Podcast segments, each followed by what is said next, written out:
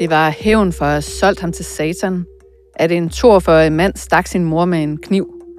Sådan lød sønnens egen forklaring, da han ringede til alarmcentralen lørdag aften.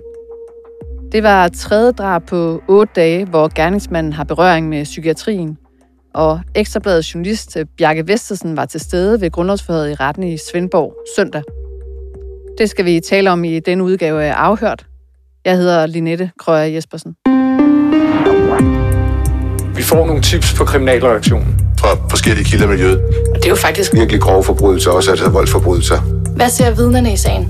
Hvem står bag? Hvad er motivet? Ja. Konflikt imellem Forskellige grupperinger. Drab. Vold. Hævn. Hver uge vender vi aktuelle kriminalsager på Ekstrabladet. Og Bjarke, du er vores øh, nyeste kollega på kriminalreaktionen, men du er jo en erfaren herre ud i kriminaljournalistikken. Ja, jeg har dækket krimistof for Fyns Stiftstiden nok de sidste 20 år, primært på Fyn øh, selvfølgelig, men øh, også øh, de senere år for Avisen Danmark, sådan med nogle lidt større øh, landsdækkende sager. Du var til stede ved grundlovsforhøret. Hvordan vil du beskrive den sigtede? Jeg vil beskrive ham sådan, at øh, når man kommer til et grundlovsforhør, er det sjældent at møde en person, som tydeligvis har sår og rifter øh, fra den ugerning, som der er blevet begået. Men det havde den her 42-årige mand. Han havde størknet blod i sit i øvrigt meget lange skæg. Øh, han havde sår på halsen, han havde rifter på halsen, og i nakken havde han også øh, tydeligvis, øh, i første omgang troede jeg, det var fordi han havde været i en eller anden form for klammeri. Senere så gik det op for os, der var til stede til grundlovsforhøret, at det var fordi han havde øh, forsøgt at øh, stikke med en kniv øh, og stikke sig selv med en kniv. Hvordan virkede han i retten? Han øh, var meget klar i mail. Han talte tydeligt, mm, indimellem lidt lavt, men var klart bevidst om, hvad der var foregået. Han henviste til, hvordan der var øh, stemmer, som havde sagt til ham, at der skulle ske noget med en kniv.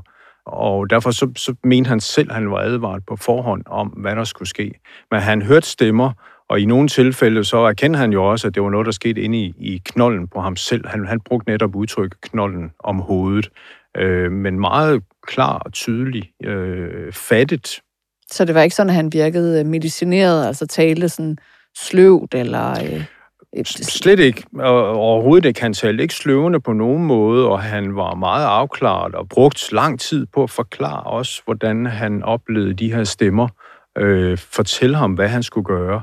Øh, også omkring, at øh, han var styret af kunstig intelligens, øh, var han også inde på. Så han virkede ked af det over, at han, hans mor var død. Det gjorde han ikke, nej. Det var jo faktisk sådan, at det her grundlovsforhør, det blev holdt for åbne døre, så du hørte også mandens forklaringer, hvad det er, politiet de har forløbig.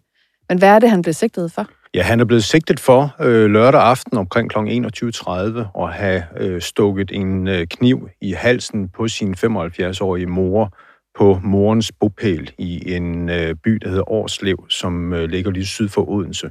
Øh, oppe i et, i et villavinge, øh, hvor øh, moren har boet, men også hvor sønnen har haft et værelse, som han har kunne øh, bo og overnatte i. Og øh, der er formentlig sket det ifølge sikkelsen, at øh, der er sket en øh, perforering af luftrøret. Altså moren, hun har fået en kniv i luftrøret på en eller anden måde, som så har forvoldt hendes øh, død. Ja, det har det. Og cirka en halv time senere, øh, da, øh, da redningsfolk øh, og læger er kommet til stedet, så bliver hun erklæret for, for død. Og hvordan forholder den sigtede sig til øh, anklagen? Ja, det er jo det, der er lidt specielt, øh, fordi han nægter jo øh, at have dræbt hende. Øh, omvendt så erkender han at have stukket hende med kniven. Øh, og i grundlovsforhøret, der kom han med flere forskellige forklaringer, øh, men en af dem var, at han havde ikke til hensigt at dræbe sin mor, øh, men at moren havde til hensigt, at han skulle dræbe hende. Okay, det må du lige øh, uddybe. Ja, det lyder lidt... Det, det, altså, altså, der er ingen tvivl om, at øh, den her 42-årige mand, han er psykisk syg. Det kom han også selv ind på. Øh, og øh, han forklarede undervejs, øh, hvad der var sket, både forud for og under, og egentlig også bagefter, selvom hans erindring ikke var så stor efter det, der var sket. Men han øh, havde hørt stemmer, Øh, han havde hørt øh, folk sige noget til ham, og han indrømmede selv, at, at det kunne godt være, at det var noget, som skete inde i øh, knollen. Altså han brugte simpelthen ordet knollen? Han brugte simpelthen ordet knollen, ja. Øh, han øh, kommer også ind på, at, øh, at, at ud over de her stemmer, så var han måske styret af noget kunstig intelligens, og på et tidspunkt så øh, mente han også, at han måske agerede, agerede som en robot. Når han forklarer det her, altså hvordan fremstår han? Altså taler han med sådan øh, vævende stemme, eller klar Nej, stemme? Eller? Han var meget, meget tydelig og klar i mailet. Øh, tydeligvis med nogle vrangforestillinger, og det kom jo også frem, at han har været i det psykiatriske system igennem øh, mange år. Faktisk i perioder har han været øh, indlagt i op til flere måneder, og været i kontakt med psykiatrien i både i Odense, i Svendborg og på Amager. Men han var meget tydelig i sin formulering. Han, øh, han var rolig.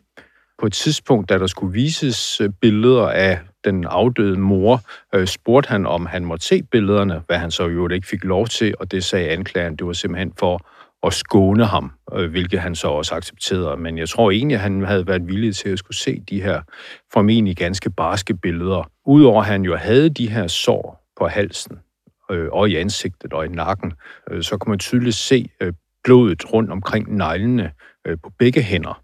Men til sydlandene, så har man altså på akutmodtagelsen, eller hvor han er blevet tilset, ikke fjernet øh, det her blod øh, og ligesom renset ham. Altså, det, det, jeg synes, det er meget sjældent, at jeg oplever sigtede personer blive fremstillet, som tydeligvis øh, selv har fået påført sig skader øh, ved den ugerning, som de nu har, har begået. Var han egentlig mandsopdækket i retten? Uh, han var ikke som sådan mandsopdækket. Han var fuldt af to civile betjente, men han var så uh, billedfixeret, uh, fordi man jo betragter ham som suicidal, som selvmordstruet, og det var egentlig også en af de ting, som han sluttede grundlovsforhørt med, inden uh, dommeren kom med sin kendelse, nemlig at det eneste, han faktisk ønskede, uh, det var at dø. Ja, det lyder, lyder voldsomt. Kom der yderligere frem om, hvorfor det var, at hans øh, 75-årige mor, hun skulle udsættes for det her. Som jeg forstår det, så har han jo været hjemme ved sin far tidligere på dagen, og så er han kommet hjem til sin mor, hvor han har et, øh, et værelse, som du siger. Det var lidt uklart, hvad der var sket op til, fordi det er korrekt, at han havde besøgt sin far om eftermiddagen, var, var kommet tilbage til morens øh, hus øh, i det her lille vinge i Årslev. Af en eller anden øh, grund, som ikke kom frem i grundlovsforhøret, så, øh, så havde han slået hende. Han var tydeligvis irriteret på hende. Øh, han øh, kritiserede hende for rigtig mange ting, blandt andet øh, det navn, som, øh, som han havde fået formentlig altså umiddelbart efter han var blevet født øh, for 42 år siden. Ifølge hans forklaring var der noget ved hans navn, som gjorde, at han var blevet psykisk syg. På et tidspunkt så siger han i grundlovsforhøret, at, at øh, han, han, han opdager, at han har en kniv i hånden. Det kommer så senere frem, at det er faktisk en kniv fra en knivblok ude i køkkenet. Så det er altså en køkkenkniv. Og den ligesom flyver gennem luften, forklarer han. Og det næste øjeblik, som han så husker, det er, at han sidder øh, hen over hende med benene på hver side af hendes krop og stikker den her kniv i halsen på hende. Lød han som en mand, der sådan var præget af samvittighedskvaler efterfølgende? Det ser man jo nogle gange. Nej, det, det havde han ikke. Han havde ikke samvittighedskvaler. Øh, han, var, han havde fuldt og fast den opfattelse, at det her, det var det, hun ville. Altså, hun ville slås ihjel af ham. Ja, fordi det er jo sådan, at han ringede selv til alarmcentralen, efter han havde stukket moren med kniv, og jeg bider mærke i, og det var jeg også lige kort inde på i min intro, øh, at noget af det, som han siger til alarmcentralen. Ja, ja han, han siger, da han ringer til alarmcentralen, at, at det her, det er, øh, det er satans værk, øh, og han øh, udgiver sig faktisk med et andet navn.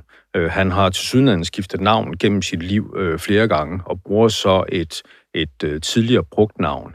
Det ændrer han jo så i det øjeblik, hvor så redningsfolkene kommer til. Men han ringer selv øh, til alarmcentralen 112, og cirka 8-10 minutter senere, så er der både ambulancer, lægeambulancer og politi på stedet. Og så siger han, at hun har fra fødslen gjort mig fredløs. Jeg er alt for eksponeret på grund af mit navn, altså netop som du kommer ind på, at der er åbenbart et eller andet, sådan, øh, der går tilbage fra, øh, fra barndommen, som, øh, som ligger i ham. Og så var du inde på, at han har en psykiatrisk øh, historik. Jamen, der kom frem, at han jo igennem øh, mange år har været i det psykiatriske system. Han, han har været indlagt nogle gange i nogle dage, nogle gange i uger, øh, op til flere måneder, faktisk op til to måneder blev, blev nævnt. Øh, han har en øh, diagnose som skizofren. Af en eller anden grund, så har han altså været selvmedicineret. Han har til sydenlande selv skruet ned for sin medicin øh, til, ja, nærmest ingenting. Så vi ved ikke, hvorfor det var, at han gik øh, frit på gaden, eller hvorfor det var, at han øh, selv styrede sin medicin, og det jo lyder som om, at der har været nogle alarmklokker, ikke? Jo, det gør det helt klart. Øh, men han har jo formentlig også fundet et eller andet, hvad, hvad skal man sige, refugium, eller et roligt sted at være, fordi han havde sin egen lejlighed øh, i den her lille øh, landsby, eller by syd for Odense. Men både, som det kom frem i grundlovsforhørt, også hos sin mor, hvor han havde et, et fast værelse, hvor han ligesom også holdt, øh, holdt rigtig meget til. Og hvad endte grundlovsforhøret med? Ja, grundlovsforhøret endte med, at han jo blev varetægtsfængslet i fire uger øh, i, i det, der hedder surrogat. Surrogat, det er for eksempel øh, psykisk syge, som altså kommer på en lukket psykiatrisk afdeling. Og øh, der skal øh, udfærdiges en mental undersøgelse af manden, og det er jo så det, der kommer til at ske det næste stykke tid. Typisk så går der jo mange måneder fra et drab bliver begået til øh, det rent faktisk kommer til, man kalder en hovedforhandling for retten øh, det vil sige selve retssagen. Øh, og det er, fordi det tager lang tid at komme igennem den, både mentalundersøgelse og personundersøgelse, og man kan også sige, at politiets arbejde, uanset om man har en mand, der erkender drab eller ikke erkender drab, i det her tilfælde, der erkender han det i hvert fald ikke direkte, Øh, så er det sådan set det samme arbejde for politiet og skal efterforske, fordi sæt nu en person, en sigtet, senere tiltalt person løber øh, fra sin øh, erkendelse øh, ved en hovedforhandling, så er det for sent for politiet at gå i gang med den efterforskning. Så selve efterforskningsdelen, der skal i gang nu, vil være præcis den samme, uanset hvordan han stiller sig øh, til sigtelsen. Det er jo så det tredje drab inden for bare otte dage, hvor gerningsmanden han har en tilknytning til det psykiatriske system. Altså tre drab på otte dage, det er jo, det er jo ret voldsomt. Øh, kan du skitsere lige kort de øvrige to sager? Det er jo helt usædvanligt med tre drab øh, begået af folk, som jo er kendt i det psykiatriske system, fordi vi havde faktisk lørdag i, for, i forrige uge, der var der en kvinde i Helsingør, øh, som, som altså blev dræbt med knivstik og slag med en håndvægt og hendes 65-årige mand blev anholdt og varetægtsfængslet i første omgang en absentia, fordi han ikke var i stand til selv at kunne møde op, formentlig fordi han havde fået selv nogle skader øh, omkring øh, drabet. Øh, og han er kendt og har slået hende ihjel. Han øh, nægtede drab, men er kendt faktisk øh, at have begået vold med døden selvfølgelig. Og han er også i surrogat, det vil sige på en lukket psyki- psykiatrisk afdeling. Så havde vi det andet tilfælde, det var jo i Glostrup ved retspsykiatrisk øh, ambulatorium i Brøndby, hvor en, en læge derfra blev dræbt med flere knivstik i halsen. Øh, en 41-årig mand, som, som angreb hende med en kniv. Øh, han er kendt drab i grundlovsforhørt, og blev øh, også varetægtsfængsel for at have forsøgt at dræbe en anden ansat på ambulatoriet og for at have begået grov vold mod en tredje. Han var i forvejen psykiatrisk patient og tidligere dømt til psykiatrisk behandling. Det sker jo også igen og igen. Og det er jo sådan et meget bredt spørgsmål. Altså, hvorfor sker det? Jamen, der har jo i mange år jo været et alvorligt pres på psykiatrien i Danmark. Øh, der er blevet sparet mange steder, distriktspsykiatrien, som, som altså ikke var, som den var tidligere. Jeg, jeg kan ikke forholde mig til, om den var bedre tidligere, men jeg kan i hvert fald bare se, at, at der er ret mange øh, drab, som bliver begået af folk, som har en øh, psykisk diagnose.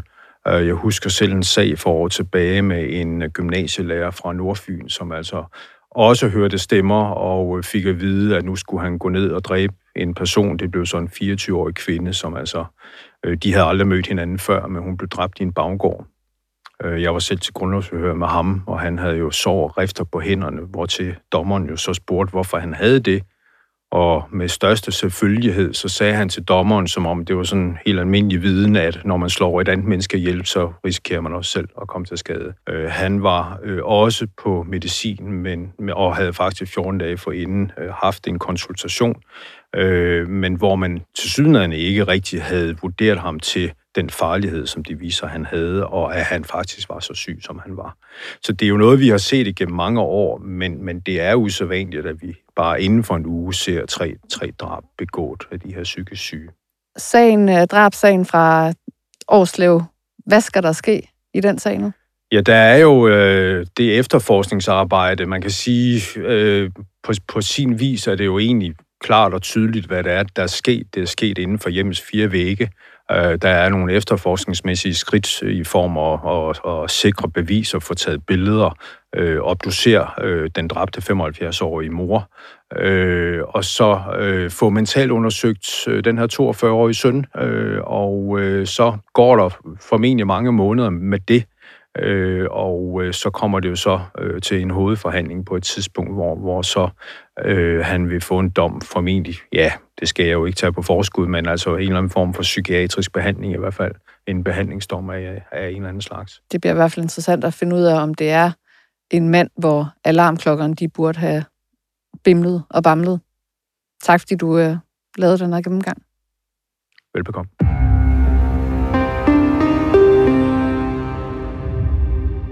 Udslettet står der nu i skibsregisteret om den 40 år gamle Torsmine-kutter Inger Katrine. Den var for et halvt år siden gerningsstedet for den 41-årige fisker Alf Willum Jensens øh, dramatiske død på åben hav. Fem mænd er sigtet for drab og har været varetægtsfængslet, lige siden de kom i land på havnen i Tyberon 1. februar i år. Men øh, sagen kører på 6. måned for lukkede døre, og mystikken breder sig. Hvad skete der i virkeligheden ombord på kutteren? Det er dog lykkedes min kollega Jens Hansen Havskov at tegne konturerne af de fatale begivenheder, og det er det, vi skal tale om nu. Jens Hansen, de øh, fem mænd er sigtet for at have dræbt øh, Alf Willum Jensen 60 sømil vest for Typeron på et tidspunkt mellem 28. og 30. januar. Men kan du så lige øh, genopfriske hukommelsen i forhold til, hvad der er kommet frem om hans død? Altså, der sker det, øh, og det er den 30. januar, i år, der bliver ringet efter redning udefra øh, Inger Katrine her, som ligger ude i Nordsøen på det tidspunkt. Øh, der bliver ringet efter hjælp, øh, og meldingen ude fra kutteren, det er, at øh, der er en af besætningsmedlemmerne, der i hårdt vejr har øh, været udsat for en arbejdsulykke. Og det kan man sige, det er der måske, øh, det er, altså, fiskeri er Danmarks øh, farligste erhverv, så, så det er desværre ikke ualmindeligt, at der sker det. Og på det tidspunkt, der blæser det faktisk sådan 17, 18, 19 sekundmeter. Det svarer altså til hård cooling eller 65-70 km i timen, hvis man skal omsætte det til det. Så, så der er altså øh, helt klart hårdt vejr ude på Nordsøen. Så øh, de ringer efter hjælp, siger, at der er en mand, der, der er kommet til skade, og de skal have en helikopter ud. Og øh, det kommer der så. Øh, man er ret hurtig i søredningen. De er derude, øh, på trods af det hårde vejr øh, og de får øh, Alf, øh, som er hårdt kvæstet, ind. Og han er livløs på det tidspunkt, men øh, han er ikke øh, erklæret død, i hvert fald ikke endnu. Men øh, de tager ham, øh, får ham op i helikopteren og flyver ham direkte ind til land, øh, og det bliver så øh, ind på øh, Aarhus Universitetshospital i, i Skyby. Øh, men han er død ved ankomsten til sygehuset. Så øh, det betyder selvfølgelig, at øh, så skal man obduceres, så går der øh, en helt anden procedure i gang. Men den her obduktion, af øh, den afdøde, den viser, at øh, han er død ved kvælning, og at han har pådraget sig øh, rigtig, rigtig mange kvæstelser. Altså, han har, det er friske lesioner, og det er over hele kroppen faktisk. Øh, og det er noget, der tyder på, at det er ved spark og slag, og øh, altså virkelig grov vold. Han har brud på, på tre lænde og rygvirvel, og han har øh, punktformede blødninger i øjnene, og det er øh, et typisk tegn på, at man er blevet kvalt. Han er jo ikke påvirket af alkohol, da han bliver øh, hentet ind og obduceret. Det, der starter som øh, en arbejdsulykke, det viser sig i hvert fald ifølge øh, lægerne og anklagemyndigheden at være noget helt andet, nemlig meget, meget grov vold, øh, dødsvold. Det er også af samme grund, at han, øh, eller de her fem personer, som er sigtet i sagen, de er sigtet for manddrab. Ja, fordi de fortsætter med at være ombord på kutteren, efter at Alf han er evakueret? De fortsætter faktisk fiskeriet, og det kan man så øh, måske undre sig over, men det kan også være, at øh, ifølge deres forklaring er der jo sket en arbejdsulykke, og de ligger jo 60 sømil ude i Nordsøen i hårdt vejr, så de har jo måske 300-400 garn i vand. Det er en garnbåd, det her. Og det er sådan en øh, form for fiskeri, hvor man som ansat besætningsmedlem virkelig skal knokle for pengene. Så øh, de fisker videre. Det gør de faktisk i to døgn endnu og øh, først derefter sætter de kursen ind mod øh, Tyberon Havn, hvor de så skal øh, losse deres øh, fangst. Og hvad sker der der? Ja, der sker jo så det, at de kommer til kaj ind i Tyberon, og det er sent om aftenen, øh, og det er den 1. februar. Det de ligger til kaj i Tyberon og skal øh, losse deres øh, fangst, der blev de anholdt simpelthen på kajen. Øh, alle fem. Øh, der står politiet, øh, folk fra Midt- og Vestjyllands politi, et større opbud, og de bliver taget en for en og bliver ført øh, selvfølgelig til afhøring, og så ryger de i resten, hvor de så bliver fremstillet i grundlovsfører dagen efter, og de bliver præsenteret for en sigtelse for manddrab. De har ikke fået noget at vide inden, og det øh, kunne man jo så godt, øh, det er ret øh, naturligt at tænke, at politiet med helt bevidst ikke har sagt noget til dem, at der er noget uldent ved, at Alf er død, øh, og at han nok ikke er død ved en arbejdsulykke. Det er i hvert fald ikke deres opfattelse, politiets opfattelse. Så de lader dem jo bare fiske videre, og de kommer ind, og så bliver de anholdt med den her øh, sigtelse. Så det må have noget af et chok for dem. Og de bliver jo så fremstillet i grundlovsforhør, hvor de nægter sig skyldige, men bliver varetægtsfængslet, men ikke for drab, men på begrundet mistanke om øh, vold med døden til følge. Og det taler vi jo faktisk også om i øh, en episode af Afhørt øh, tilbage i øh, februar i år. Så hvis man vil høre mere om øh, optakten til sagen, så kan man høre det.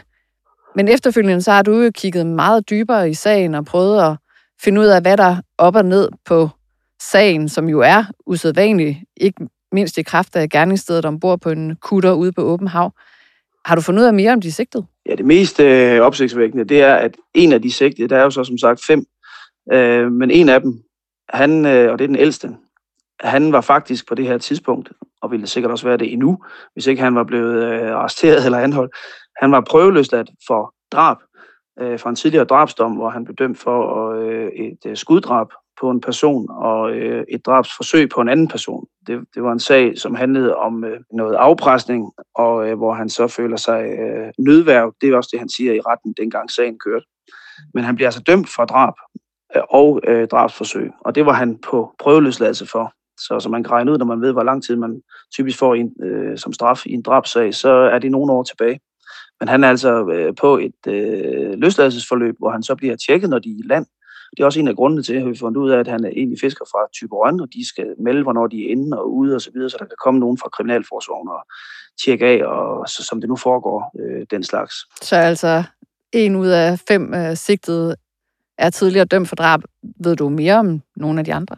Vi ved, at skipper ombord øh, har relation til ejeren, øh, og så ved vi, at øh, det er jo alle sammen øh, danske Øh, fiskere, vestjyske fiskere med øh, dansk klingende navne hele vejen igennem.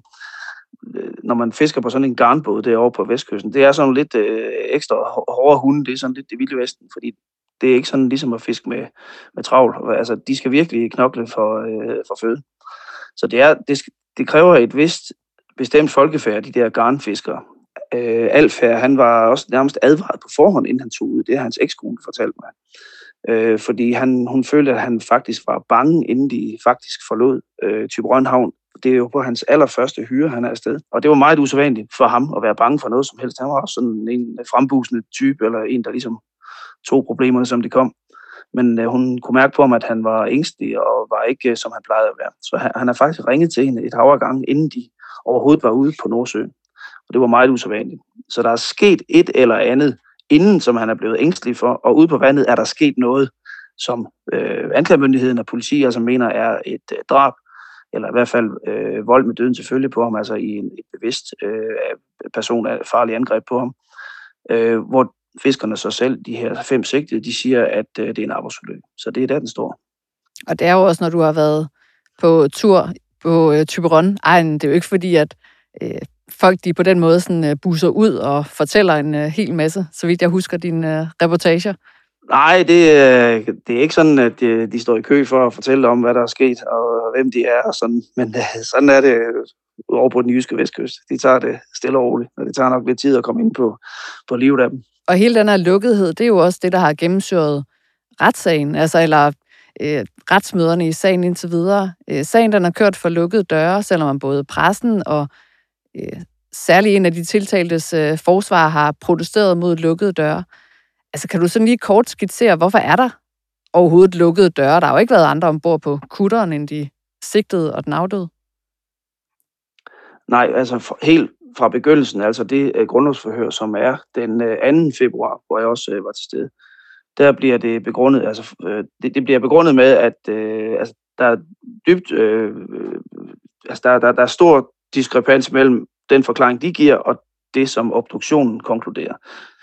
Øh, og de siger jo, at han har opført sig, vi ved det ikke, for vi har ikke hørt deres forklaring, fordi der blev døren jo så lukket, men det står ligesom klart efter mig, hvor man ligesom har gennemgået den gang, hvor fængslingsgrundlaget blev læst op, at øh, de har måttet ligesom overmande ham, pacificere ham, fordi han opførte sig voldsomt. Og øh, noget, som var til fare for både altså dem og øh, de andre besætninger og skibet. Altså, det vil sige, altså, i sidste instans på, på vandet, der kan man jo så øh, dø af det, fordi man måske drukner, hvis der sker et eller andet. Det har ligesom været antydet, at han forsøgte at sætte ild i noget.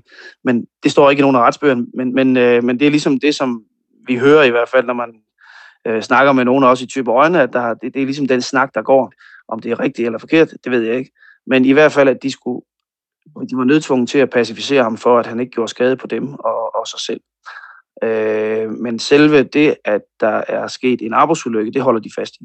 Men det er jo så også kommet frem, at øh, ifølge øh, den her øh, obduktion, så øh, altså, han var ikke beruset eller noget. Vi har jo så hørt lidt siden, at han var måske var lidt øh, tørstig, øh, i hvert fald øh, inden han tog afsted, eller havde været det i en periode, men det har han åbenbart lagt på hylden. Der var ikke noget øh, at komme efter de prøver, der bliver taget. Og så ved vi fra en øh, tidligere hyre, han har haft på, en, øh, på et andet kutter, der hedder Poseidon, øh, der har de måske forklaret, øh, sådan kan det ligesom godt øh, lyde, når man hører begrundelsen for, fæng, øh, for fængslingskendelsen, øh, at, øh, at han der, at, at de andre, altså de sigtede ligesom har forklaret, at han, de ved, at han tidligere måske har været voldelig eller sådan noget, men, men det er der altså ikke noget, der tyder på i forhold til det, politiet har fundet frem til. Øh, det eneste, de har fundet frem til, det er, at han har på et tidspunkt har haft et krampeanfald ombord på sin tidligere hyre, og at han derfor var til far for sig selv, men, men ikke, at der har været noget vold.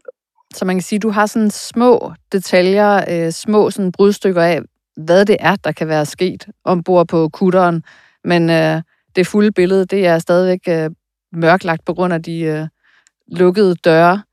Det fremgår, at de er blevet varetægtsfængslet forløbig frem til den øh, 16. august. Derudover så fremgår det også, at der øh, skal afhøres øh, yderligere vidner, og der er afventer besvarelse af spørgsmål fra forsvaret til retsmedicinerne. Altså, hvad siger det dig, at forsvaret har stillet supplerende spørgsmål til retsmedicinerne? Når man gør det, så kan det jo tyde på, at øh, der er nogle, altså der er en, et stridspunkt omkring dødsårsagen, men, men, og det hænger jo ligesom sammen med de forklaringer, der er givet. De holder fast i, at det er en arbejdsulykke. Anklagemyndigheden øh, siger, at øh, han er blevet øh, tæsket ihjel for sit liv. Så, så det er et øh, stridspunkt, og det er nok det, der kommer til at afgøre den her sag, om de kan konkludere, hvordan det er sket.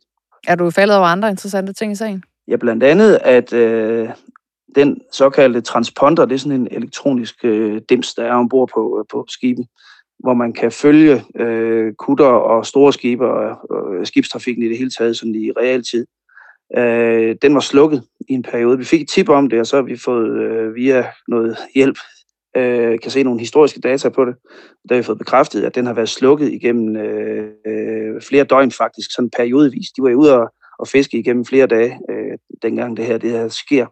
Og så kan man så stille spørgsmålet, hvorfor, hvorfor må den bare det? Var, var det fordi, de skulle være helt i fred for det her, som har noget med Alfs død at gøre, eller var det noget helt andet? Jeg har snakket med nogle øh, fiskere, som siger, det der med at slukke transponderen, øh, det gør man normalt ikke, men nogle gange så gør de det alligevel, blandt andet for ikke at vise andre fiskere, at øh, her er der fisk. Hvis man bliver liggende et sted øh, rigtig længe, så er det måske fordi, at, øh, at øh, der er rigtig meget at gå efter. Og så kommer alle de andre kutter hen, og ligesom en, øh, øh, et fluepapir. Men øh, hvad årsagen er, det ved vi ikke. Men vi ved, at den her transponder har været slukket, og det er ikke normalt. Det er i hvert fald med til at få nogle, øh, noget yderligere mystik til sagen. Og i mellemtiden så er gerningsstedet kutteren jo blevet udslettet, som jeg forstår, der står i skibsregistret. Hvad har du fundet ud af om det? Ja, via skibsregistret har jeg fået, øh, eller har jeg set, at øh, L1 Inger Katrine er blevet hugget op. Altså det vil sige, den er jo ligesom, og, og det, det er simpelthen den formulering, der bliver brugt øh, i skibsregistret. Udslettet, ophugget. Øh, og det betyder selvfølgelig, at øh, den eksisterer ikke mere som kutter. Vi har så fundet ud af, at han tidligere, øh, ejeren af båden, har søgt om ophugningsstøtte. Og det er så, øh, om der er en sammenhæng, og så, og så har han så trukket det lidt tilbage igen, og de har fisket videre. Om den her sag så øh, har gjort, at han, han så har øh, hugget til nu, hvis man kan sige det sådan helt bogstaveligt. Mm. Øh, det ved vi jo ikke. Jeg har selv talt med, med, med, med skiberen, og han har sådan set bekræftet, at, øh, at den er hugget op, og vi har også øh, haft en af vores fotografer afsted for at, at selv se det ved selvsyn, og vi kunne se, at den her øh, Inger Katrin, den lå til kaj ved et ophugningssted ved en smedevirksomhed i øh, Esbjerg. Så den er hugget op, og den er altså slettet af skibsregisteret, så den kommer jo af god grund aldrig ud og sejle igen. Den er blevet til, til genbrugsskrot. Men vi ved ikke, om det har en direkte relation til sagen. Og det er jo bare ja, et af de ubesvarede spørgsmål blandt øh, mange andre i sagen. Vi håber at få mere viden, når varetægtsfængslingen udløber 16. august. Øh, tak fordi du var med, Jens Hansen. Selv tak. thank you